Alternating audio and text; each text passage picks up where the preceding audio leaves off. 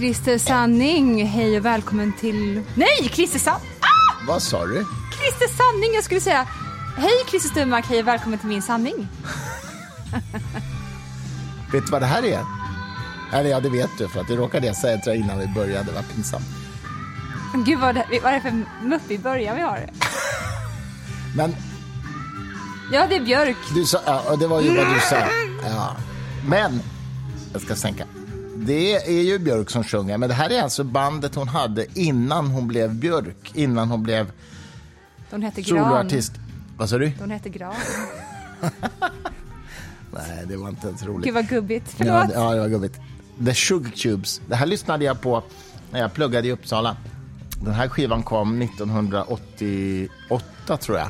Det här går ju inte att sitta i. Vad är det här? Har, har Jo, du suttit och jo. poddat i de här stolarna Ja, idag? men vänta ska du få se. Jag ska börja Det med här att... var ingen bra idé. Jo, det är en jättebra idé. Så här gör Ska man. man sitta så här? Luta sig tillbaka. Ja, precis. Och så drar du fram den. Ja, Så. det här var en jättebra idé. Jag sa ju det. Jag- Gud Förstår du? Så här, det här är ju underbart. Men gud, vi kan leva så här. Vi sitter nu alltså i varsin jätteskön fåtölj. Kolla bara att den där svarta grejen är framför näsan. så, det är blir, den. så blir det bra. Ja, älskling. Nu, podd, nu har det varit ganska... Nu har vi haft ett uppehåll. Vi har inte haft ett uppehåll som lyssnarna har märkt, men vi har haft ett uppehåll så tillvida att vi spelade in den förra podden för tidigt. Mm.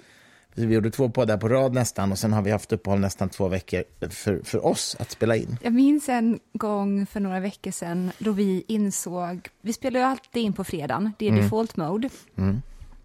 Men sen kom vi på på lördagen att vi måste spela in idag för att vi kommer vara ifrån varandra i en vecka eller så. Så Precis. det blev en podd dagen därpå. Och vi kom på det här ganska sent på lördagskvällen också, om ni förstår vad jag menar. Så att det var ju kanske vår yvigaste podd hittills. Det var Ja. då vi snöade in, självklart är det då vi också snöade in på, var evolutionsbegreppet? Var det? Vi höll på i evigheter. Jag har glömt. Nej. kan ha något att göra med att det var mycket champagne. Men okej. På det, skål. Skål. Skål. Åh, vad gott. Det var jättelänge sedan som vi drack champagne. Bollinger är det Flera dagar. Du, eh, evolutionen ja, den är ju tema för årets riks, riksdagsöppnande. Vad tycker du om den här åsikten om evolutionen då? det, Ja, har du något att sätta emot den åsikten? alltså, Julia Kronlid blev andra vice talman. Får jag bara säga att det var ju någon som också skrev så kul på Twitter. Eh, och det var då som du sa, men snälla någon, evolutionen är ingen åsikt. Ja, ja du menar så. Ja, det är, ja, ju, precis. det är ja, ja, otroligt att det finns människor som tycker att det är en åsikt. Ja, precis. Men alltså, nothing surprises me anymore när det gäller det. Alltså, folk tror ju att det inte finns någon objektiv sanning överhuvudtaget. Eh, En del tror ju det. Vilket är så otroligt självupptaget eftersom då kan man ju aldrig ha fel om det inte gör det. Men eh, eh, alltså jag, det hela började ju med att jag intervjuade Julia Kronlid för åtta år sedan i tidningen Sans. Och eh, där ju hon helt eh, naivt och oförblommerat berättar att hon är kreationist helt enkelt. Visste du det? För, visste du det när du bjöd in henne till Ja, intervjun? till, till, ja, det gjorde jag Okej, faktiskt. mm. Men eh, jag... Eh, jag minns att jag intervjuade henne också för att höra hur det var liksom att det var ung kvinna som just kom in i riksdagen för ett parti som var ju ännu mer kontroversiellt då än vad det är idag. Eh, Men det är klart att jag hade ju, jag ville ju gärna få henne att berätta om sin kreationism också. Men nu när det då stod eh, klart att hon skulle bli föreslagen som talman så återpublicerade jag den artikeln helt enkelt på nätet och så twittrade jag ut om det. Och det snappades ju upp av typ alla och DN eh, frågade om jag ville skriva någonting på DN Kultur om det här och det gjorde jag. Nu har ju i stort sett alla medierna tagit upp att vi har fått en kreationist som, som andre vice talman. Grejen är, vad jag, eh, de som reagerar, alltså bortsett från kreationister som naturligtvis tycker jag är jätteelak som tar upp det här, så har jag ju fått en del reaktioner från människor som också säger att ja, men, herre snälla någon, det spelar väl ingen roll om hon inte tror på evolutionen, liksom. hon ska vara talman. Så här. Precis, när, när jorden bildades, när, på vilket vis är det relevant för den Ja. yrkesuppgift som hon har? Exakt, eller att hon tror att människan inte har något släktskap med aporna eller att vi kommer från samma släktträd som aporna. Och så där. Vi är ju inte, tekniskt sett är vi inte form, vi är inte släkt med aporna, utan det är så att aporna och människorna har samma urfader, men vi är mm. två olika grenar på släktträdet. Strunt samma, det är en teknikalitet, men i alla fall. Eh, nej, det är ju inte det som är problemet. Problemet är att, de, enligt mig, då, det är att om en människa är kognitivt förmögen att välja bort överväldigande evidens för, ett vetenskaplig, för en vetenskaplig teori eller vetenskaplig faktum, så att säga, när det passar ens egen världsbild. Om man är förmögen att välja bort all evidens, mm. om den inte passar menar jag, ens egen världsbild, ja, då är man ju, tänker jag, förmögen att göra det på andra områden också. Och det är farligt för en politiker. Till exempel vaccinskepsis eller klimathotet eller vad det nu kan vara. Det spelar egentligen ingen roll, men om man liksom har den kognitiva kapaciteten eller talangen, inom citationstecken, att man bara kan ignorera fakta eh, och evidens och empiri om det, om, det, om det passar ens egna syften, då är man en farlig politiker. Och Det är det som var min poäng. Det är en väldigt bra poäng, men kan vi bara, kan vi bara veckla ut det där lite mm. mer då? Sure. Eh, därför att ifall det är så då att man har tvättats runt i den här tvättmaskinen som eh, en specifik religion oftast är, som hon har gjort mm. från barnsben, mm. då kan inte jag se att hon därmed tillgängliggör sig för andra kognitiva felslut utöver de felsluten som hon gör inom sin ramen för hennes mm. tro. Ja, i bästa fall är det ju så att hon inte gör sådana jag, jag, tycker inte, jag tycker inte att det finns i alla fall en... Men det vet man inte. Nej, nej, det vet man inte. Men för mig så är det inte alldeles självklart att det finns en direkt från A är lika med B.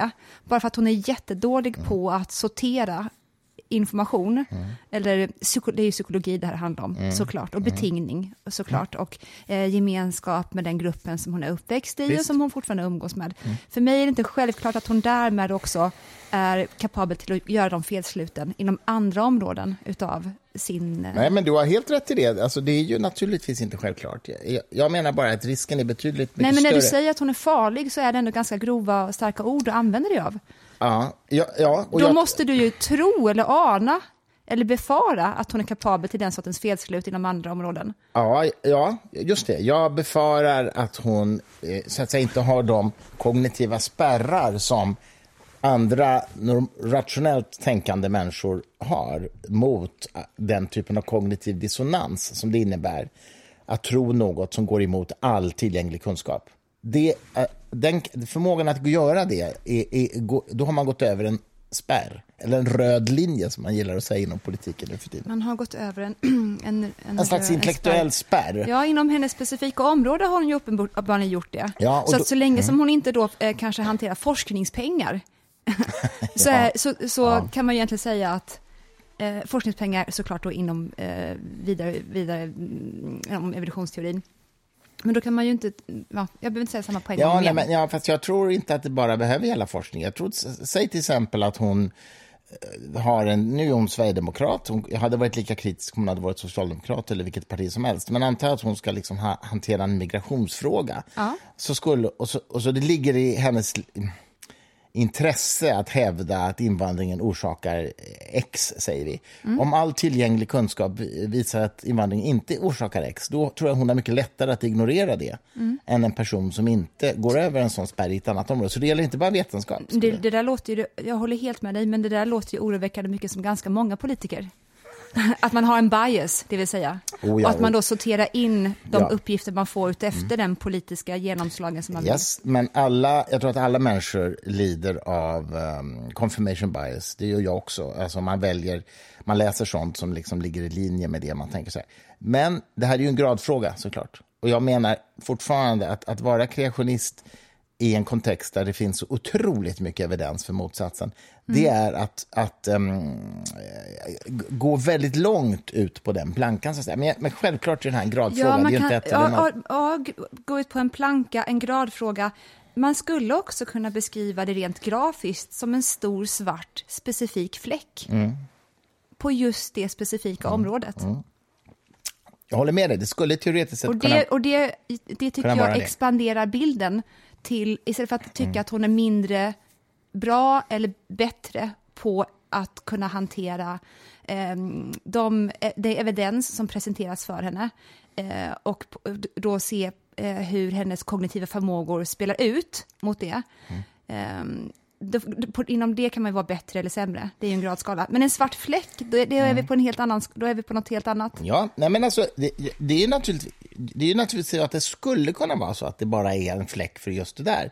Men det är ju ungefär som att säga så här att eh, Trump som talar om alternativa fakta, eh, eller hans pressekreterare var det som gjorde det, att hon bara ser, gör det just i det här området, men i alla andra avseenden så gör de rationella bedömningar. Ja, men det verkar ju inte som att det är så, utan Det är ett shitkluster. Ja, det, ja precis. Det är ett shitkluster. Va? Och jag, jag menar liksom att kreation, alltså, kreationism är liksom en foliehattsuppfattning, så att säga. Och, eh, ehm, för, det- för det är ju inte så att... Det här är en annan sån här sak som jag tycker är så jävla tröttsam. Jag har fått så mycket mail och sms och Twitter och... Nej, inte sms, men Twitter och grej med folk som stöder hennes idéer här och som säger att ja, men evolutionsteorin är ju bara en teori. Det är ju ingenting som vi är säkra på. Ingen levde ju på den tiden. Och så här. Och Det beror ju på att de dessutom blandar ihop begreppen, alltså teori i vardagsspråket. Om man så här, haft inbrott och säger jag har en teori om vem det var, då betyder ju det jag är verkligen inte säker, men jag har en idé. Men teori som vetenskapligt, jag vet ju att du vet detta, men jag berättar också för våra lyssnare, teori som vetenskapligt begrepp säger ingenting om evidensstyrkan. En teori kan vara jättedålig evidens för, till exempel strängteorin. Har ingen evidens alls om man ska vara petig. Medan evolutionsteorin har otroligt stark evidens. Så att begreppet teori är liksom ingen försvagning av den positionen. Men hur ska folk veta det? Ja, det är grundläggande De har- vetenskapsteori. Grundläggande vetenskapsteori. Kunskapsteori. Ja. De behöver åka lo- lokaltrafik jättelänge med sina barn till dagis. De jobbar, Jo, de jobbar jo. över. De behöver bråka med sin partner. De behöver plocka i diskmaskinen. Hur tror du folk har det där ute egentligen? Ja. Vad har du för verklighetsförankring? Jo, jo, jo, men då får man väl faktiskt eh, då får man väl utbilda lite genom en textidén som jag Genom att du tillrättavisar lite, lite med tough love. lite hårdnackat. Så kan man, så kan man se det. Ja. Nej, men vi får väl se nu. Alltså, som, som tur är så har ju talmannen inte... Alltså, det är en slags, i i någon mening en opolitisk roll. Va? Så, att, så den är kanske Ja, bättre att hon är det än... Joel skrev ju Halldorf i Expressen samma dag som hon också blev vald, som du gjorde, gjorde idén. Och jag tror att, nej, jag är ganska säker på att han avslutade med att skriva att ja, på vilket sätt som eh, det här spelas ut, hennes bakgrund eller hennes oförmåga eller förmåga, det får vi se. Men eh, en poäng som jag hade önskat hade plockats upp, det är ju också vilket signalvärde det sänder ut. Ja, men exakt. Bara det faktum att hon sitter där och eh, på riktigt tror att du vet att evolutions... Förlåt, gud vad jag är simmig, jag kommer vakna till snart. du vet att eh, vad de grundar 6000 år på, det är att man har liksom tagit alla de namnen som finns i Bibeln och lagt på en typ rimlig ålder på dem. Och så har man tagit alla de släktlederna och kommit fram till den här upp, ungefärliga uppskattningen då på 6000 år. Visste du det? Nej. Så Från att det Adam och Eva, Ja, alltså. exakt. Eftersom alla då är beskrivna hela vägen bakifrån fram Mm. tills nu idag. Det är så de kommer fram till 6000 år. Men, men bara att någon har den sortens... ehm, så här kan man göra en rimlig uppskattning om någonting och det står jag för. Nu står hon ju inte för det längre, ska, ska tilläggas. Hon, hon sa att eh, jag står bakom partilinjen idag. Ja, men det är den- aborter. Parti... Nej, evolutionsteorin. Nej, det parti, partiet har ingen linje i evolution överhuvudtaget. Det var aborten hon pratade om. Jaha, okej, då missuppfattade Mm. jag. Men, men, men du har ändå rätt, för att hon har sa i någon intervju att, att, eh, nu, nu att hon... Eh, hon vill inte uttala sig om jordens ålder, men, men hon förkastar inte evolutionsteorin, sa hon. Jag hävdar att det inte är sant, för att det gör hon. Men okej, men det Det är klart gör att hon, hon... hur förkastar... Vadå då, vad menar du? Därför att allt talar för att hon är kreationist. Det är inte så att hon har liksom lämnat den kontexten hon befinner sig i. Hon är dessutom uppvuxen... Du vet att hennes svärfar är ju Per Kronlid som är eh, partiledare för det kristna värdepartiet. Ja, man ska Eh, inte vara nej, nej, jag vet, till det är någonting inte, bara för att... Nej, det, är- det, är inte, det betyder inte att hon har någon uppfattning. Men Det är bara en konsumentupplysning. Han är partiledare för Kristna Värdepartiet. De vill återinföra barnaga. Äh, fast det här De tycker inte jag känns fräscht. Jag tycker, in, nej, jag tycker inte att det känns, faktiskt det. Jag, Jag har debatterat mot honom. Ja, men jag, tycker inte, jag tycker inte alls att det är rättvist att Nej, det är inte upp honom. För fel. Mm. att, äh, det, det, de associationerna som vi sätter i lyssnare där ute nu, Mm. eh, vi, vi indirekt stämplar henne med detta. Det är inte... Nej, vi men kan min poäng så. bara är att hon, hon finns i en familjekontext. Jag, jag, tror Nej, jag inte att tycker hon har, jag tror inte att hon har övergett Nej, men då- precis. kreationismen. Det är i alla fall Nej. min hypotes. Nej, absolut. Men, Men, då, får hon men, i såna fall, då får hon i sådana fall gå ut och starkt förespråka evolutionsteorin där har du i en skolan. poäng, och absolut. hon Men vi, ska, men vi ska aldrig kleta någonting på en annan person av vad andra människor omkring den tycker eller tänker Nej, och håller på med. det. Jag köper Ever. det. Det, Det får är- andra hålla på med. Helt, det är helt riktigt. Men eh, det, roliga, det roliga är ju att det hölls ju för något halvår sedan, eller möjligen ett år sedan, en kreationistkonferens i Sverige. Mhm. Det finns ju en kreationistförening i Sverige, Genesis. Det finns ett kreationistmuseum i Umeå. Tänk de som köpte biljetter trodde att de kom till popbandet. Och så, så var det ja. de istället. Vilken besvikelse. Eh, jag såg lite grann av den här konferensen för de webbsände. Och då hade de in hade de ju ett antal talare, internationella talare. Så kallade inom citationstecken forskare.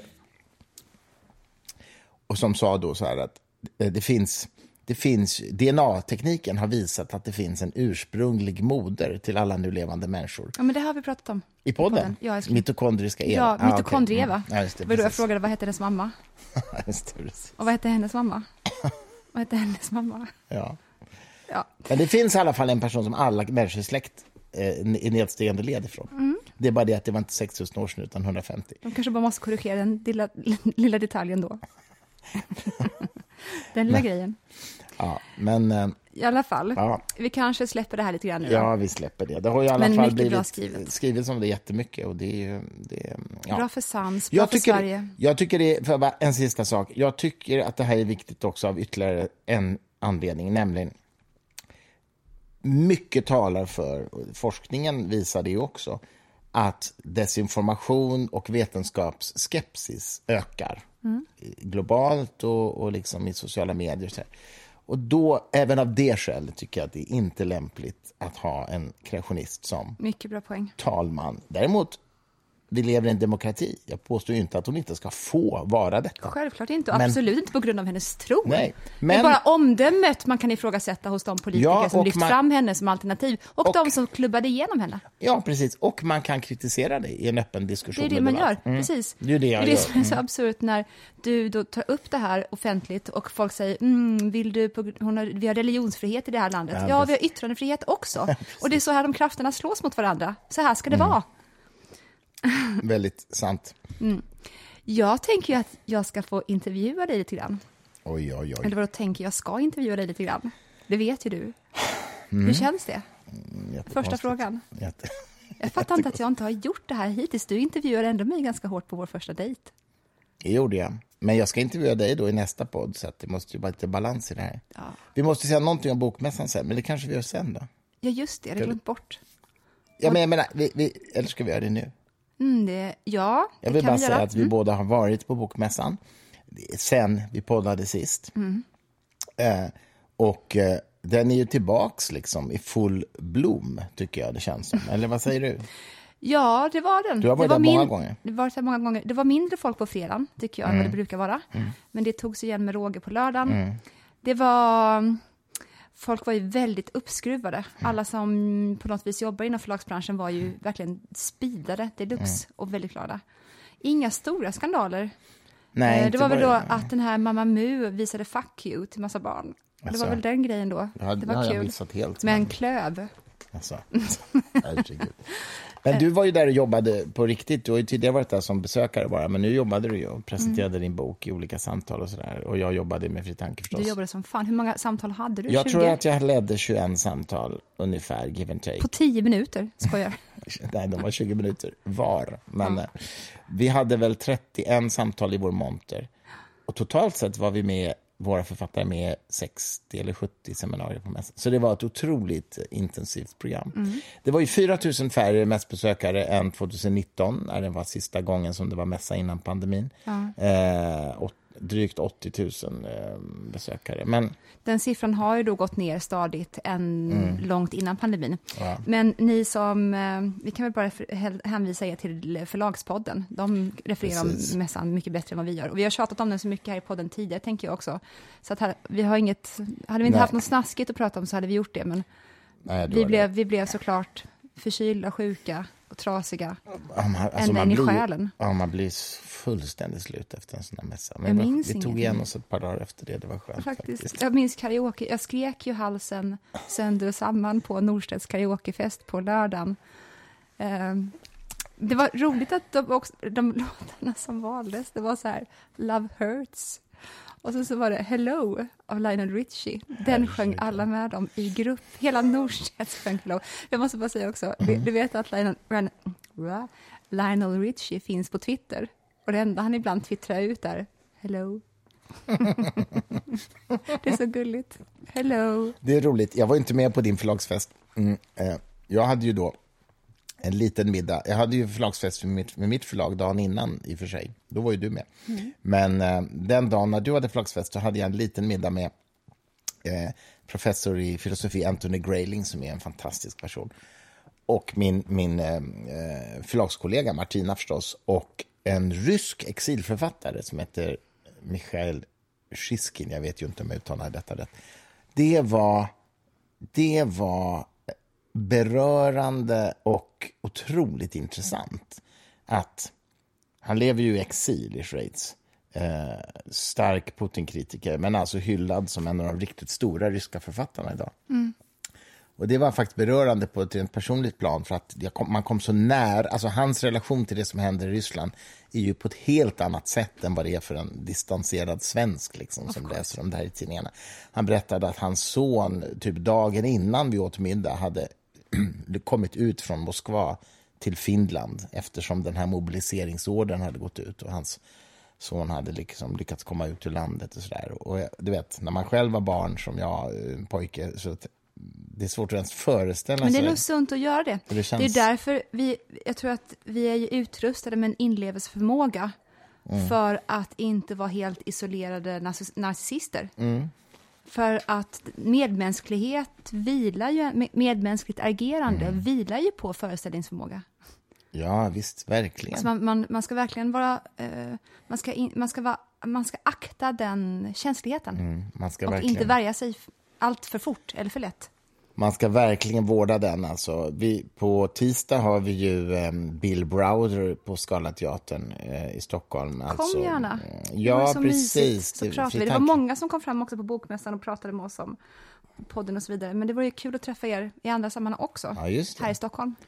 Precis. Fritanke.se hittar man information om själva eventet. Bill Browder är ju Putins fiende nummer två kanske efter Navalny. Och Navalny sitter ju i fängelse, men, men, men Browder är ju fri. Varför får Navalny fri, äh, fria filma inuti fängelset egentligen? Ja, det, ja, det fattar jag fattar inte det. Det Det kan vi lite- fråga våra gäster ikväll. Ja, och det kan vi fråga Browder också. Ja, Han kanske har någon inblick i det. Men em, hans bok, nya bok som vi har släppt, Tsaren heter den på svenska, börjar otroligt dramatiskt med när han åker till Spanien eh, för ett par år sedan för att besöka Spaniens eh, främsta um, antikorruptionsåklagare. Jag minns inte vad han heter nu. Och han blir arresterad på hotellrummet utav spansk polis. Och det visar sig att då Ryssland har bett Interpol utfärda en arresteringsorder mot Browder. Eh, som tur är så lyckas de klara ut det där att han inte ska utlämnas till Ryssland sen, så han blir sen släppt. Eh, men eh, han skriver om det på ett mycket dramatiskt sätt. Det, det är som en spionroman, alltså, trots att det hänt i verkligheten. Mm. Rekommenderas. Ja, okej, nu ska jag inte försöka undvika eh, mer den här min sanningsstunden. Flera, flera timmar utav... Prata om annat här liksom. Så här, bla, bla, bla, bla. Jaha, du vill intervjua mig säger du? Precis. Om vad då? Och- Skål! Skål! En gång till först bara. Jag behöver lite stärkande droppar. För innan första gången när vi spelar in podd så har jag känt nu, varför har vi ingen musik på under tiden vi sitter här? Men det hade nog varit störande också Ja, för den som lyssnar. inte det. Nej, det ska vi inte Vi ha. börjar med lite musik. Ja, vi, men precis. Um, jo, men Christer Stummark, du är ju känd för väldigt många olika saker. Eh, de flesta i din egen ålder minns dig som en IT-härjare, den som vände upp och ner på eh, för, svenskt näringsliv kan man säga, ihop med dina kompanjoner på 90-talet. Och sen Mm. efter det så blev du bokförläggare. Nej, efter det så blev du ordförande i Humanisterna. Mm. Och efter det så blev du bokförläggare. Vilken av de här tre rollerna har du störst identifikation vid? Ja, alltså det, är ju, det är ju bokförläggare, så att säga. Och det beror ju på att jag har ju varit passionerat förälskad i böcker eh, ända sedan jag var tidig tonåring. Så att i någon mening kan man säga att nu har jag gått tillbaka till att göra det som jag tycker är roligast i livet. Så att säga. De andra sakerna, att vara it-entreprenör var ju för att bygga liksom en karriär och, och, och, bygga företag. Jag har ju en stark entreprenörsådra i mig, så att säga. Och då ett starkt teknikintresse. Och jag lockades ju väldigt mycket av under it-åren att se möjligheten i den informationsteknologi som låg runt hörnet. så att säga. Så det var väldigt roligt. Men nu tillfredsställer jag ju mina intellektuella intressen. Det låter väldigt högtravande, men det är ju ändå det det handlar om. Att få ge ut böcker om och träffa människor som kan mycket mer än jag om en väldigt många väldigt mängd olika ämnen. Det är ju det intellektuellt mest tillfredsställande jobb jag har haft. Kan du se också hur de här tre olika rollerna eh, har, kan man se någon utveckling i, inom dig i dem? Det vill säga att när man var i it-branschen så gissar jag att man hade en sorts persona och man agerade ut på ett sätt. Och jag helt fördomsfullt tänker att den passade ganska bra till en stöddig 20-årig kille med hästsvans. Upp i Ja, jag är 30 fortfarande. 30-årsåldern. ja, men och sen humanisterna, då kan jag se att då börjar du djupna lite grann. Att du börjar se att det finns mer värden i livet än att bygga saker väldigt högt. Och det finns eh, osynliga saker som ideal och man bör, du börjar få ett samhällsengagemang och så vidare. Och sen så nu då så är du den här lite mer eh, mogna mannen som har eh, förkovrat dig i dina intellektuella intressen.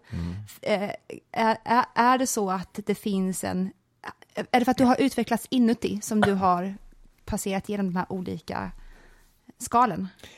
Nej, men det, ja, alltså det där är ju en jättebra... Jag skulle nog säga att det där är en jättebra beskrivning till 90-95 procent. Det jag skulle möjligen lägga in i det, jag tror verkligen att det stämmer i grova drag det du sa nu, men det jag skulle möjligen lägga in i att, är ju att när jag var, när jag var i it-branschen så var jag ju lika mycket i... Ja, men jag var till exempel krönikör i DN och skrev om informationssamhällets utveckling under en period där i mitten av 90-talet. Jag satt i IT-kommissionen parallellt med att jag startade mitt, det största bolaget som jag gjorde under IT-åren, Cell Network, som sen börsintroducerades 99. Så att jag hade ett väldigt starkt engagemang för samhällsfrågor redan då. Jag, jag har aldrig varit en sån där entreprenör som bara var intresserad av att bygga bolag. Jag, jag var ju det också, men jag, jag hade det här samhällsengagemanget parallellt med det. Och det gjorde ju i någon mening att jag var lite splittrad. Alltså jag skrev för DN, jag jobbade med IT-politik för regeringen då och byggde bolag, så att säga. Men jag har aldrig haft den här drivkraften att tjäna pengar så mycket som möjligt på kortast möjliga tid. Den drivkraften har jag faktiskt aldrig haft. Nej. Det kan jag säga utan att darra på manschetten. Sen hade jag ju förmånen att, att bygga ett bolag under it-bubblans tid, vilket gjorde att det blev väldigt stora värden på saker och ting. Men det var inte min primära, primära drivkraft, utan det var potentialen i teknologin som samhällsförändrande kraft, faktiskt, som lockade mig. Men bortsett från den lilla liksom, nyanseringen av det så tycker jag nog att det där stämmer väldigt bra, det du sa. Vad tror du är den vanligaste missuppfattningen om dig? Eh, Den vanligaste missuppfattningen är nog att jag hatar religion. alltså det finns ju få, det vet ju du, som är så intresserad av religion som jag. Ja, verkligen. Alltså det här är så, jag måste börja presentera dig oftare än så. För att det var ju någon som sa om dig, Christer Sturmark, det är han som hatar Gud. Ja, precis. Ja, precis. Och det är så himla roligt, det borde du typ ha på visitkort. Det kan gå. För Ja. att det är så många, kan du för, eh, vi börjar God med- Slayer. God Slayer. Istället för drak- istället för Dragon Slayer. The God Slayer. Seriös bokförläggare, fri tanke. Men vi kan väl börja med den frågan, eller börja, vi, vi kör den frågan istället. Varför hatar du Gud? Nej, men det är ju inte så. Alltså, jag har ju varit... Jag har ju varit passionerat brunnit och Om det, som, måste säga, om det är någonting som hörs här så är det älskade Leo som sitter och spelar dataspel och skriker och jag tänker att vi bara låter han göra det. Ja, precis, min son. Han, har är frågor till dig också. Han har, han har hjälpt mig med frågor också. Är det sant? Ja, det är sant. Åh, jag har haft Jesus. kontakt med gamla barndomsvänner till dig och sånt också. Nej, sluta då inte alls det. Jo, det har jag. Det har jag. Nej, men återkom nu. Varför, varför, hat, varför hatar du Gud? Ja. Nej, men det är ju inte så. Jag har ju varit passionerad och är passionerad förespråkare för livsåskådningen sekulär humanism. Det handlar om att jag är för ett antal förhållningssätt till världen, både deskriptivt och normativt, alltså hur jag tror att verkligheten är beskaffad och framför allt en värdegrund som jag förespråkar. Den sammanfaller ju med religiösa värdegrunder ibland.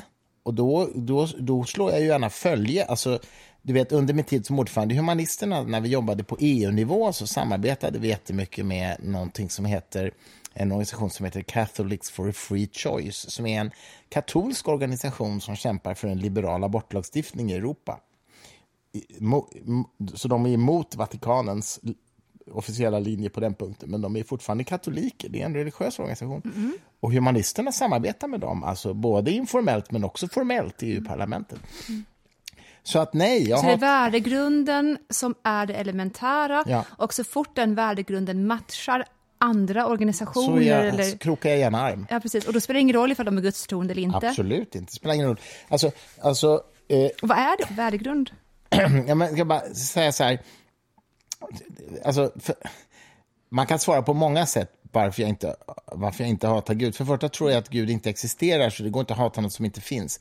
Men det som jag ju naturligtvis tycker illa om, det är ju när människor på grund av en religiös övertygelse eh, driver en etik som jag tycker är människofientlig. Och det gör ju vissa religiösa människor och vissa religiösa organisationer. Men vissa andra gör det ju inte, och de har jag inga problem med. Men jag har så många gånger fått den frågan som ordförande i Humanisterna. Så här, varför pratar ni bara om de negativa aspekterna på religion och aldrig de positiva? Och det tycker jag det är som att säga till Amnesty. Varför pratar ni bara om politiska fångar hela tiden? Varför pratar ni inte om alla bra politiska system som fungerar? Nej, men that's not my job. Allt liksom. bra som hände i Eritrea. Ja, eller, nej, men en fungerande demokrati som Sverige. Ehm, men that's not my job. Alltså, vi, vi förespråkar sekulär humanism i Humanisterna. Det är det vi promotar. Och det är klart naturligtvis, det är klart att jag, tr- jag tror att sekulär humanism är en bättre livsåskådning i, i ett antal avseenden än en religiös livsåskådning. Såklart. med... Okej, kan du Ja, bara men ge, alltså ge oss några avseenden? avseenden? Ja, att till exempel att den vilar på en mer solid etisk grund som inte kan spåra ur till homofobi eller abortförbud eller, eller ja, vad man nu kan ta för exempel som, som har religiös grund. En mer solid grund som inte kan spåra ur till abort... De, de här Nej, grunderna alltså, så- som du refererar till är ju 2000 år gamla. Katolska Mm. kyrkan är den äldsta institutionen i världen. Eh, så att spåra ur är ju ingenting som har hänt nu. Det är någonting som, som sitter som förr. Och eh, sekulärhumanismen fanns ju inte för 2000 år sedan heller. Mm. Jo, jo den visst. Den går ju tillbaka till de grekiska naturfilosoferna. men inte som en organiserad... Nej, inte som Snälla. organisation. Nej. Nej. Nej, nej, nej. Men som livsåskådning har det ju funnits. Ja, det har ju funnits, Indien i 3000 år. ja, det har ju funnits strömänniskor överallt såklart som har tänkt exakt så som ni har tänkt, Ja, till viss del i alla Det har fall. ju även funnits eh, liksom, filosofiska vad ska vi säga, rörelser, om man så säger. Karvaka i Indien från 2500 år tillbaks, Mm. som var en naturalistisk filosofisk strömning, om man så säger. Då. Ja, jag, jag tror att det är någonting sånt som man, gärna vill, som man gärna vill säga.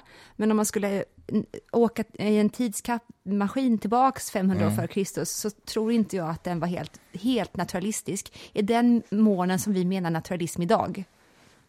Ja, alltså, det, det tror jag. Vi, Tror vi har ju en bok där uppe som handlar om Indian naturalism. Eftersom man på den tiden inte kunde förklara fysiologiska fenomen, Mm. för man hade inte fysik och naturvetenskap eller forskning med sig i ryggen, Mm. då tror jag att man förklarar den på ett sånt sätt som skär sig med hur vi eh, har en naturalistisk syn idag i alla fall, med övernaturliga fenomen och så vidare. Ja, men det, nu, det, första delen av det du sa tror jag stämmer, inte andra. Det vill säga, man...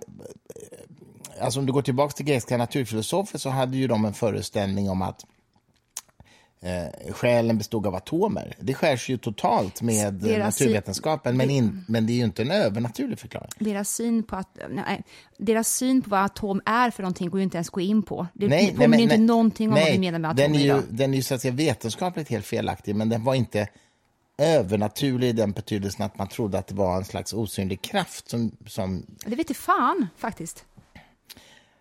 alltså, Jag vet, alltså, det, ehm, solgrander var någonting som, som eh, de grekiska naturfilosoferna Mm. ofta använde sig av. Solgrander var det som satte allt i rörelse, men som också innefattade allt som var eh, partiklar i Mm. rörelsen.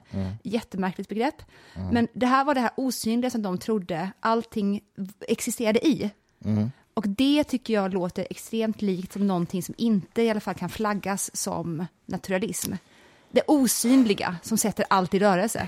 Ja, alltså, det, men du har ju helt rätt i att det är en protovetenskaplig eller en förvetenskaplig tid Ja. så funkar ju inte de här distinktionerna Nej, riktigt. det är min- min hela men, poäng. men, men, men kanske, man kanske borde uttrycka det så här istället då. Det var inte en, en worship-kultur då. Karvaka var inte en worship-kultur där man så att säga, eh, vad heter det, dyrkade någon kraft.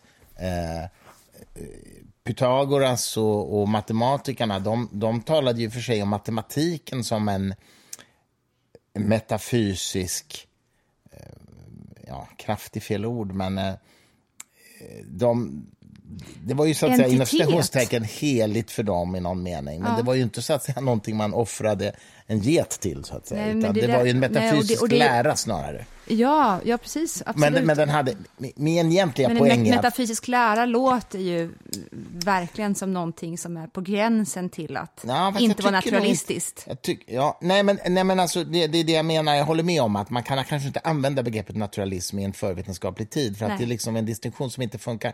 Så man kanske ska tala istället om att det var inte en worshipkultur, det var framförallt inte en kultur som som så att säga sa att människor inte får göra si eller så eller måste göra verkligen si eller så. det tror jag Ja, men, verkligen. nej, men inte, inte på grund av matematiken, så att säga. That's my point. Sen hade man ju andra massa kulturella regler naturligtvis. Mm. Men, men inte på grund av själva läran, inte den metafysiska idén om matematik eller, eller karvaka eller vad det, nu, vad det nu är för någonting.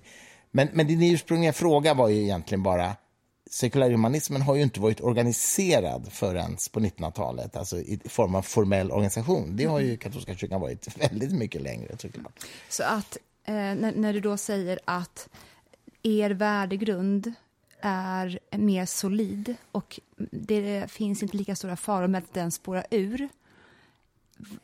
Vad är det som är eh, ute byggstenarna i er värdegrund som gör att du så, har så stark tilltro till det? Alltså, vitt jag vet så har jag aldrig hört talas om att någon till exempel eh, eh inleder krig i sekulärhumanismens namn eller eh, begår terrordåd i sekulärhumanismens namn eller skjuter abortläkare eh, eller eh, eh, handavhugger människor i, som straff för stöld. Alltså, det är, alla de där fenomenen beror ju på att man hänvisar till en religiös urkund som kräver detta. Och då, eh, som vi alla vet, är ju då en tolkningsfråga. Så att Koranen kan tolkas på ett annat sätt, Bibeln kan tolkas på ett annat sätt. Men när den tolkas på det sättet så är det väldigt, väldigt destruktivt. Är det för att ni inte har någon urkund? Är det det som gör det lättare då? Eh, det, så, kan, det, så kan man nog se det. Vi har ju, sekulärhumanismen har ju liksom en slags filosofisk grund som ju är sekulär. Eh, Det finns ju ett filosofiskt samtal som, det är det jag menar med att den är uråldrig, som har pågått genom liksom hela den filosofiska historien. Som Spinoza till exempel, som ju arbetade fram en sekulär etik till exempel. Ehm, Alltså filosofiska tankegångar som inte kopplar till en övernaturlig kraft. De flesta, eller de, många förknippar ju Spinoza med panteism. Absolut. Ja, men, men många av de här filosoferna hade ju en gudstro. Spinoza kan man diskutera om han hade det eller inte, men hans sekulära etik hade ingen koppling till det i Nej, alla fall. nej, det- Och det, det är den viktiga poängen. Ja, här. verkligen. Ehm, eh, jag menar, Voltaire var nog deist till exempel. Han var ju... Ja, Han verkligen. hade en gudstro, en, en, en, en gudstro som då var en icke-personlig gud, så att säga, som möjligen då startade, eller som han trodde startade universum, men inte lägger sig i. Mm. Det är ju deismbegreppet. Men hans, hans filosofiska idéer var inte förankrade i det. Som också, eh, deistbegreppet är också starkt förankrat i en stor, stor, eh, fortfarande levande gren inom den judiska tron. Mm. Mm. Apropå franska filosofer, varför hatar du franska filosofer? Nej, men det gör jag inte. Skärp dig. Eh, hatar inget. Jag gillar inte det ordet. Varför hatar. tycker du så illa om franska filosofer? Varför gillar du inte franska filosofer? Jag har hört det många okej. gånger säga, eh, för många franska filosofer. Berätta om ditt förhållningssätt till franska filosofer. Mm. Nu vet ju jag att du är en upplysningens man, det förstår ju de flesta Mm. som har lyssnat på något avsnitt eller följt dig en kort sekund. Men vad har du emot franska samtidsfilosofer?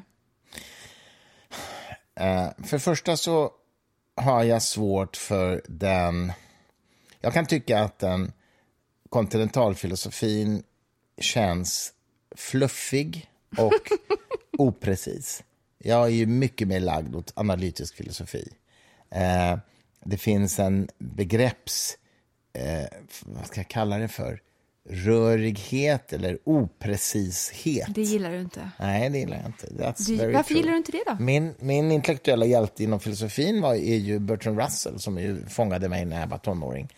Ehm, stringens och definition, Mm. Men du tydliga måste, definitioner. jag kommer ta dig ibland så här. Ja, jag should. Varför gillar du inte det oprecisa? Vad tycker du att det repre- representerar? Jag tycker att det, det känns kvavt. Liksom. Man vill öppna Kvavt. fönstret och vädra ut det. Eh, Så det är en ren, en ren kroppslig reaktion du får på det. nej, så illa är det nog inte. Det är inte en kroppslig reaktion. Men det, Vad menar du egentligen vill du säga? Ja, exakt. Vad menar du egentligen? Och det här gäller ju naturligtvis inte inom, inte inom alla områden. Alltså om man uppskattar musik eller konst, då tror jag inte det är analytisk filosofi tillämpbar. Men diskuterar man verklighetens natur och Fundament. beskaffenhet och fundament, då tycker jag att den är Men är väldigt inte kontinentalfilosoferna alldeles nödvändiga eftersom så mycket av verkligheten är någonting som vi upplever?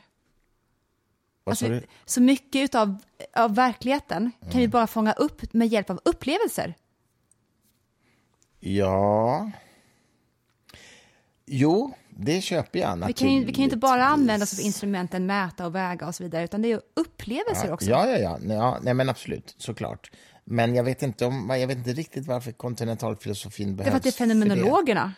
Jo, fast fenomenolog är jag ju som fysikintresserad också. Det här har vi pratat många gånger Som om. fysik, nej, men vi Ja, pratar om vi- filosofi nu älskling. Jo, men jag menar att vi upplever verkligheten via våra sinnen som fenomen som vi inte kan... Ja, och då menar, då menar jag att är det inte alldeles nödvändigt att man har upplevelser som ett, som ett instrument? Jo, men jag vet inte om jag är direkt kritisk mot fenomenologi i och för sig. Alltså det är inte Men så att alla in- franska filosofer, det är inte så att jag avfärdar alla franska filosofer. Nej, men många av kontinentalfilosoferna står för just fenom- den fenomenologiska inriktningen. Ja, men jag, har, jag har svårt för sådana som Latour till exempel, som säger att eh, vem det nu var, den egyptiska kejsaren eh, 3000 år tillbaka kan inte ha dött av den där bakterien, för den var inte upptäckt då. Den, den dog inte av det. Och den typen av liksom relativ... Att man, att man tar det sociala konstruktivistiska perspektivet och drar det för långt. Och det kan jag uppleva. Ja, men den sortens avarter måste ju finnas såklart inom alla olika Ja. filosofiska inriktningar. Jag kan känna Frida Bäckman just nu cringear över att överhuvudtaget tar upp han och den grejen specifikt som ditt eh, stick i sidan på kontinentalfilosoferna. Jo, men han räknas ju som en av de stora. Jo, men, ja, men din urvalsprocess kanske snarare avslöjar dig. Jo, men jag, vet, jag, är ju och tar fram. medve- jag är medveten om att väldigt mycket handlar om vulgärtolkningar av de här filosoferna. Det Mm. håller jag med om. Men, men de, det är de som sprider sig och det är de som infekterar det, är de som, populärkulturella det är de som sprider sig. Det är, det som, samtalet. Det är, de som, det är de som sprider sig. Ja, Mm. I vissa kretsar och på vissa plattformar är det de som sprider sig. För oss lata som inte orkar göra mer Mm. än att bara klicka på någon så här Facebook-artikel så sprider de sig verkligen jätteväl. Mm. Men hade vi, jag tror att hade du och jag faktiskt varit så pass uppriktiga i vårt filosofiska intresse Mm. så hade vi djupdykt i det här mer än att låta oss vara träffyta Mm. för den sortens vulgärtolkningar. Och vi hade nog inte spridit dem vidare på det sättet som du gjorde nyss heller. Well, alltså, det är ju trots allt ett faktum att Brun, Brun, jag har hans artikel om det här, där det här kommer ifrån. Jag, jag säger inte att han inte har sagt det. Jag menar bara att du tog upp det, säger någonting. Jag, jag tycker att Ja, vi men ska- du vill vi ha ska- ett exempel vi- på ska varför inte- jag ogillar en del strömningar ja, från men vi ska- ja, men-. Ja, men, ja, men jag Och- Ja, absolut. Och då tar du upp ett jättetrubbigt eh, uttalande som ska representera hela den kretsen. För, Nej, att men- det, för, nej, att det, men- för att det är det som har nått dig och du har stört dig på det så mycket så Men hela, det. jag menar inte att det representerar hela kretsen. Jag menar att det är ett exempel på det jag ogillar. Fast när, du gör så, så, fast när du gör så, så blir det lätt att man tänker att okej, när du tar upp det här exemplet, då står det för vad du ogillar med hela kretsen. Ja, fast kontinentalfilosofin består ju av så otroligt många olika. Så att de tycker ju olika om en massa saker. Mm. Så det här är bara, då ska jag vara tydlig med det, det är bara ett exempel. på- Det är ett exempel på någonting jag ogillar. Ett annat är ju eh, Allan Sokal, eh, fysikern som ju drev med hela den här grejen genom att publicera en fejkartikel i en amerikansk tidskrift som heter Social Text, där han fejkade en slags socialkonstruktivistisk analys av fysiken. Och, som, och det är en ansedd vetenskaplig tidskrift och de publicerade det. Och det var bara rubbish, liksom alltihopa. Och det gjorde han ju, det kallas ju för the Sokal hoax. Han gjorde ju det för att visa att de har ju inga seriösa bedömningskriterier. Man kan komma undan med vad som helst. Liksom. Det var ungefär det han sa. Ehm, och det var ju ett ganska tydligt bakslag för den kontinentalfilosofiska kulturen som då fanns när han gjorde det här. Eh, precis. Jag, mitt största problem med kontinentalfilosofin det är att så mycket vilar i deras grundförutsättningar på den sociala konstruktionen. Och att det inte finns någonting inom oss överhuvudtaget som eh, inte är nårbart utav den sociala konstruktionen. Att vi i, om man zoomar in människan så långt som det bara går, enligt kontinentalfilosoferna, så hamnar vi till slut till att det finns ett ingenting där inne. Och det motsätter jag mig. Mm, Det Och är så grövsta. roligt, för jag tror att jag är mer positiv till sociala konstruktioner som förklaringsmodell Ja. än vad du är. Det där är Vilket så är, skitsat! Vilket är jätteroligt. Ja. Vilket är, för jag hävdar ju att det finns ju sociala konstruktioner. Mitt problem med Men de det här... gör ju jag också. Jo, jag vet, men, men, men jag ska bara säga.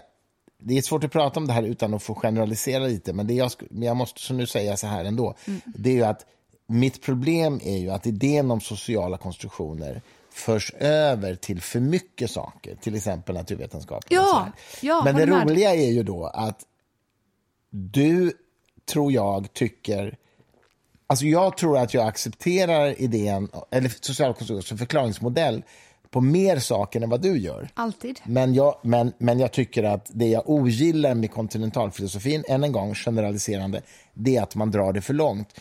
Men du drar det ännu mindre, du vill dra det ännu mindre än vad jag gör. Ja, så är det verkligen. Sen är vi helt överens om att språket i grund och botten är såklart en social konstruktion. Mm.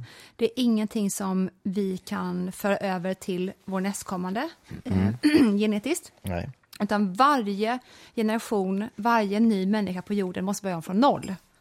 Eller hur? Ja, alla, alla språkforskare tror jag inte håller med om det i och för sig, men, eh, men, men ja.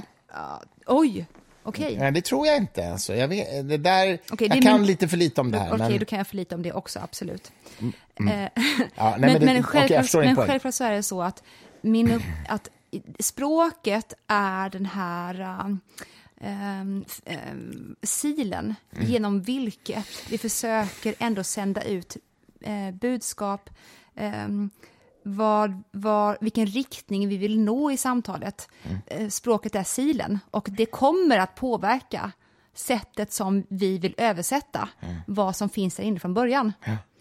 Ehm, så att jag tycker att där har kontinentalfilosoferna en jättebra poäng, att språket påverkar verkligen på många, många olika sätt vad vi kan applicera i relation till andra människor med hjälp av ord. Det här är en helt lång diskussion, vi kanske tar en annan gång. Men, men får jag bara säga en sak till om det. Alltså, ehm, jag tycker ju att, och det, ty, det vet jag att du tycker också, det är klart att det finns sociala konstruktioner som, som verkligen är sociala konstruktioner, men som ändå man måste förhålla sig till. Jag menar, nationen till exempel är en social konstruktion. Alltså idén om en nation är en social konstruktion. Ja, ja, ja. Därför att den är ju konstruerad av människor och den upprätthålls med lagar och så här. Mynt är en social konstruktion. Jag tror ju att könsroller är en, är en social konstruktion i väldigt stor grad. Det tror inte jag. Nej, jag vet. Jag tänkte ju säga det. Där, där tror det, du det är mindre än vad jag tror. Än en gång, det är Det ju en himla- det gradskillnad. känns så tack och lov att du är man och jag är kvinna och du är tjej- 20 år äldre än jag och vi tycker på det här sättet. För det har varit så himla ofräscht om, Mm. Det hade varit tvärtom. Ja, ja, ja. Nej, men alltså, så här, ja. Och som sagt, det är ju en gradfråga. Det är ju inte ett eller noll. Det är ju inte så att säga att Aldrig. det, att det det är inte inte alls är en social... Inget är någonsin eller- binärt. Jo, döden är binär. Det är det enda. Döden är binär. Och binära tal är binära. Ja. Matematiknörden kom fram. Förlåt, fortsätt nu med dina frågor. Du har ju knappt börjat, känns Älskling, när, när är du som lyckligast? När jag sitter och dricker champagne med min älskling och snart ska få spela schack, då är jag jättelycklig. Det ska du faktiskt få. Eller hur? Visst får jag det? Det slutade 1-1 igår. Vi spelade bara två blixtpartier igår. En annan Det blir fråga ett par som... till snart. Mm. Men vi ska ju Eh, ha gäster sen, så vi Vi kanske ska vi får se. ganska snart. Vad heter det? Jag vill hålla på jättelänge. Ja, men det är shoot. så mysigt. De får väl vänta Varför utanför har du dörren. ingen champagne kvar för? Har du druckit upp min champagne också? Nej, jag har inte dragit... Men om du är snäll så kan du få gå upp och hämta två glas. Hörde ni? ni hörde. Ska jag, ska jag trycka på paus då? Ja. Okej. Nu förstod jag varför det första glaset kändes så himla mycket. Vet du varför? För att Nej. det var typ tre fjärdedelar av flaskan i det glaset. Ja, det var ju jättestort glas, jag, jag vet. Tänkte inte på det. Nej, det tror jag inte. Så, har du, har du rätt grej framför micken? Ja, det har du. Så. Är, är du äh, ateist eller agnostiker? Alltså, jag är sekulär humanist, eh, vilket inte är synonymt med ateist. Däremot så skulle jag säga att eftersom jag är sekulär humanist så har jag en naturalistisk verklighetsuppfattning och då är jag också ateist, inte agnostiker. Därför distinktionen mellan ateist och agnostiker är agnostikern har ingen uppfattning om Guds existens. En ateist har en hypotes och det är att Och då kommer man såklart in på gudsbegreppen. Ja, vilket Intressant. gudsbegrepp talar vi om? Ja, Exakt. precis. Mm. Men, du, men du var beredd att slänga ut ateistbegreppet där innan jag ens hade definierat gudsbegreppet? Nej, men ja, för att det är en förenkling, eh, en förenklat svar. Det beror ju på hur djupt man ska gå. Det, det, det extremt korrekta svaret är att jag måste ju svara på frågan för varje gudsbegrepp som du ställer upp, så att säga, så kan jag säga vad jag är i förhållande till det. Då- om, man säger att, om man säger Gud är kärlek, då är jag ju in, då är jag inte ens agnostiker, för jag tror ju på kärleken. Men jag tror inte att kärleken behöver något annat namn än kärleken, för jag tror inte kärleken har några and- gudomliga egenskaper utöver att, utöver att vara kärlek. Och det gudsbegreppet som du nu då antog att jag hade när du sa ateist, vad är det för gudsbegrepp? Jag antog nog in- inget gudsbegrepp alls. Men det måste i om, om, du säger, om, du säger att, om du säger att du är ateist, då antar du ju ett gudsbegrepp. Eftersom det finns gudsbegrepp som du omöjligen kan svara att du är ateist på. Mm, till exempel om Gud är kärleken. ja. Exakt. Eh, det är precis. Så att när, när jag... Så här då, kan man väl säga. Jag, är ju, jag definierar mig ju som sekulär humanist snarare än ateist. Och en naturalistisk verklighetsbefattning har jag. Det vill säga, jag tror inte på no Vi måste ändå bunta ihop några gudsbegrepp, för annars kan vi sitta i många dagar här. Jag tror inte på några Let's. gudsbegrepp som, som gör Gud till en personlig kraft som verkar i universum Vad menar du med personlig kraft? en personlig kraft i den meningen att det är en intelligens. Att det är en intelligens som vi människor kan ha en relation till. Med en och intention. Som, vad du? Med en intention? En, en, en, en, en personlig intelligent kraft som har skaparförmåga i någon mening och som har intention exakt. Som har agens, som man säger. Eh, agens och intentionalitet. Och där vi kan ha en relation till denna som gör, som åstadkommer någonting, det vill säga att den kraften gör en skillnad. Sådana gudsbegrepp tror jag inte på. Alltså gud, du är verkligen ateist. Ja. ja, ja, ja, absolut. Jag är ateist. Men där- once again, en ateist vet inte att det är så. En ateist tror att det är så, som jag tror. Mm. ja, ja, absolut. Men för att det där med att komma bort från agensen, det Mm. går ju inte. Ifall du har någon Guds relation Mm. som du också då väljer att om du så är i ensamhet kalla för Gud, Mm. då går det ju inte att frånkomma att den har in, en intention. Det kan inte bara vara en planlös Gud. Jo, det kan det vara en deistisk Ja, ja, Gud visst, såklart. ja. Eller panteism. Också planlös gud. Är det så att planlös Gud är, är Ja, panteism är ju att Gud är, nat- Gud Ja, är men liksom kan inte den i sig ha en agens? Nej, då är det ju en gud som som verkar. Ja, men, ja, men ja, varför, En varför det? pantist... Nej, men alltså... Universum och gravitationen vill ju inget annat än, att, än det den är. Så att säga. Den har ju ingen intentionalitet. Ja, okej, vi går Okej. vidare. Mm. Vi går vidare. Vad blev inte som du hade tänkt dig riktigt? Gud, vilka stora frågor. Och du får välja vilken punkt i livet som helst då du trodde någonting och sen så blev det inte riktigt så.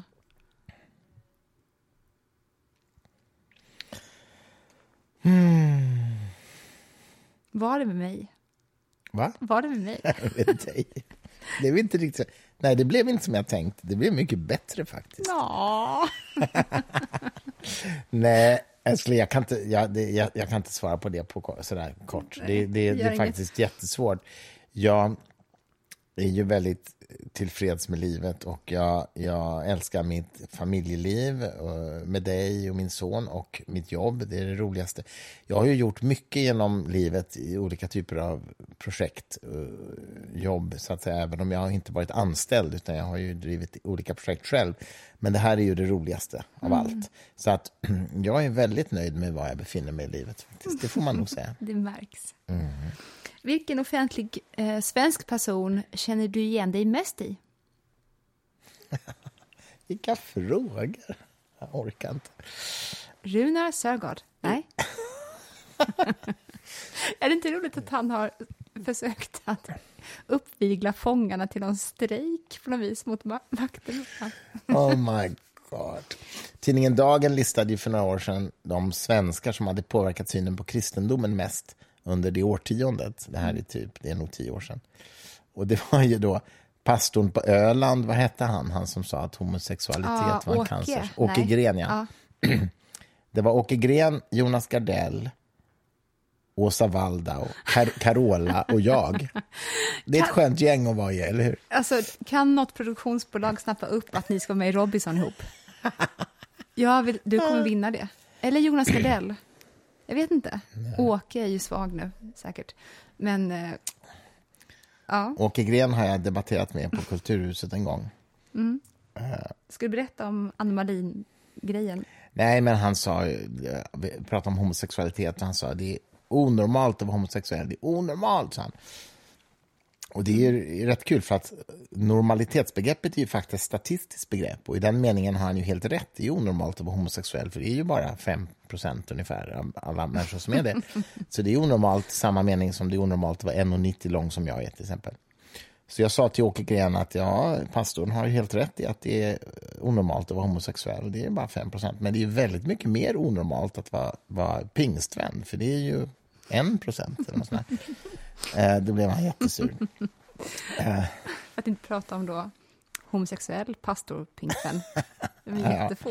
Nej, men du, du, Vad du vi vet Runar, Runar jag, jag, jag känner ju Runar väl sedan Jag många år. känner ju Runar. Vi, han är en jävligt duktig schackspelare. Nej, Jo, det är han faktiskt. Vi har spelat mycket schack wow. eh, Skulle genom han, åren. skulle han slå mig? Det är länge...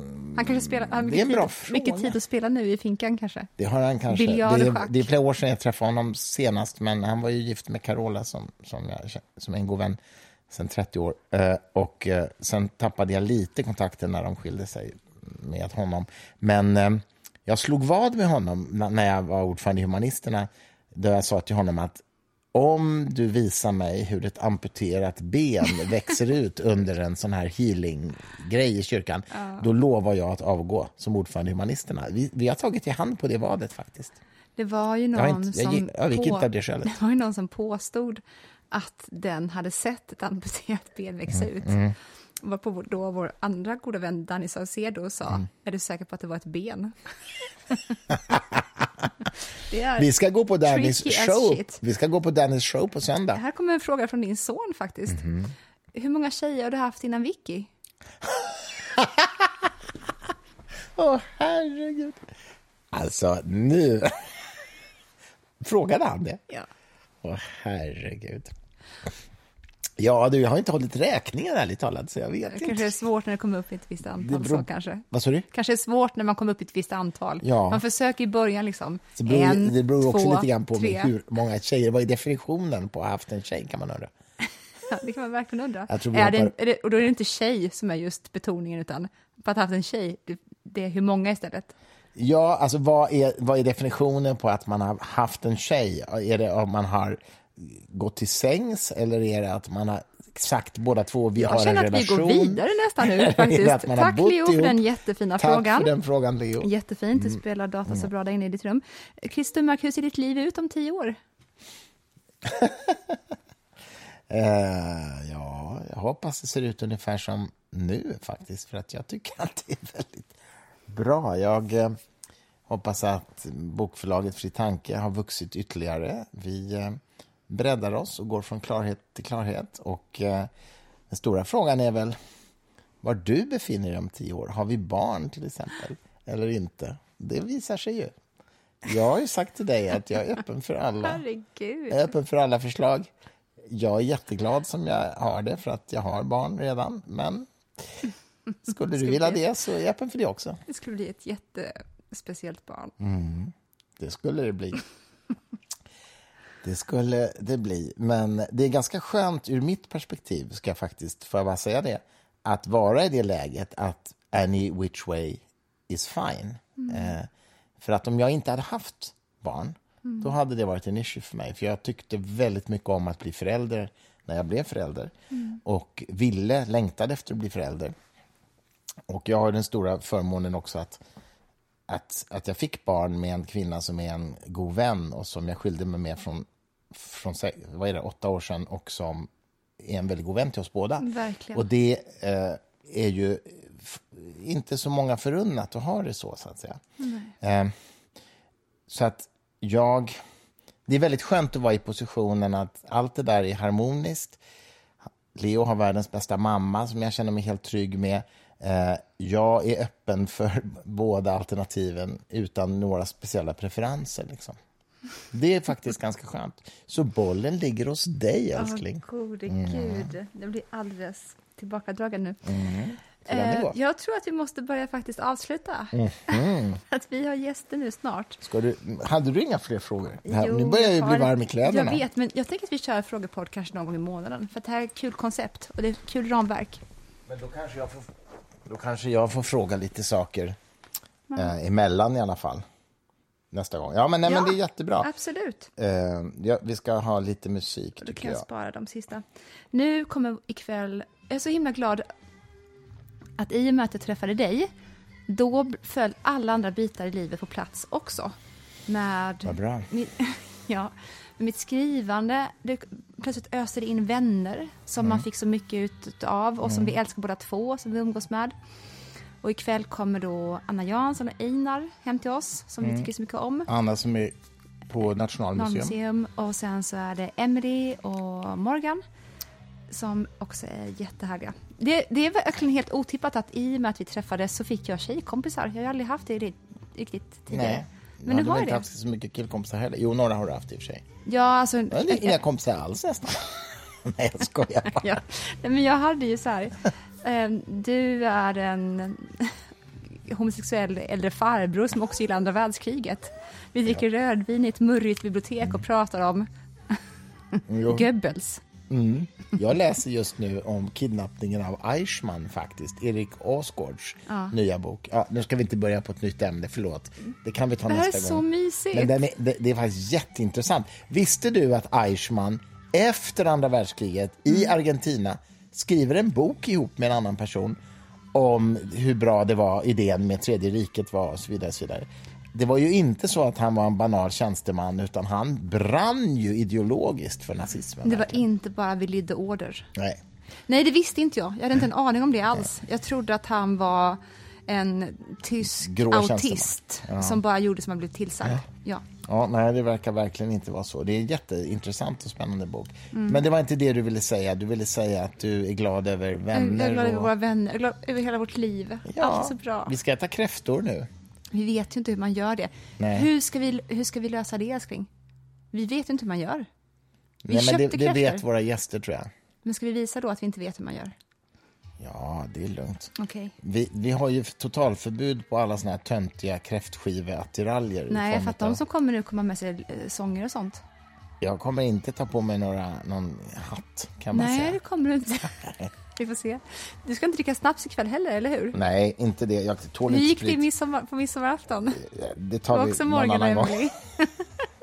Du, det här är... Morgan är ju pepp på att du ska filmas ikväll när du sjunger. Du vet det? Sjunga kan jag göra, men inte dricka snaps. Mm. Du, det här är Sugar Cubes igen. Jag tycker vi avslutar med det. Det här är riktig punk. Ja. Eller ja, det vet inte jag. Jag har lyssnat på en punklåt i mitt liv. Om du säger det så är det. Tack och adjö för denna Tack gång. och adjö. Så trevligt.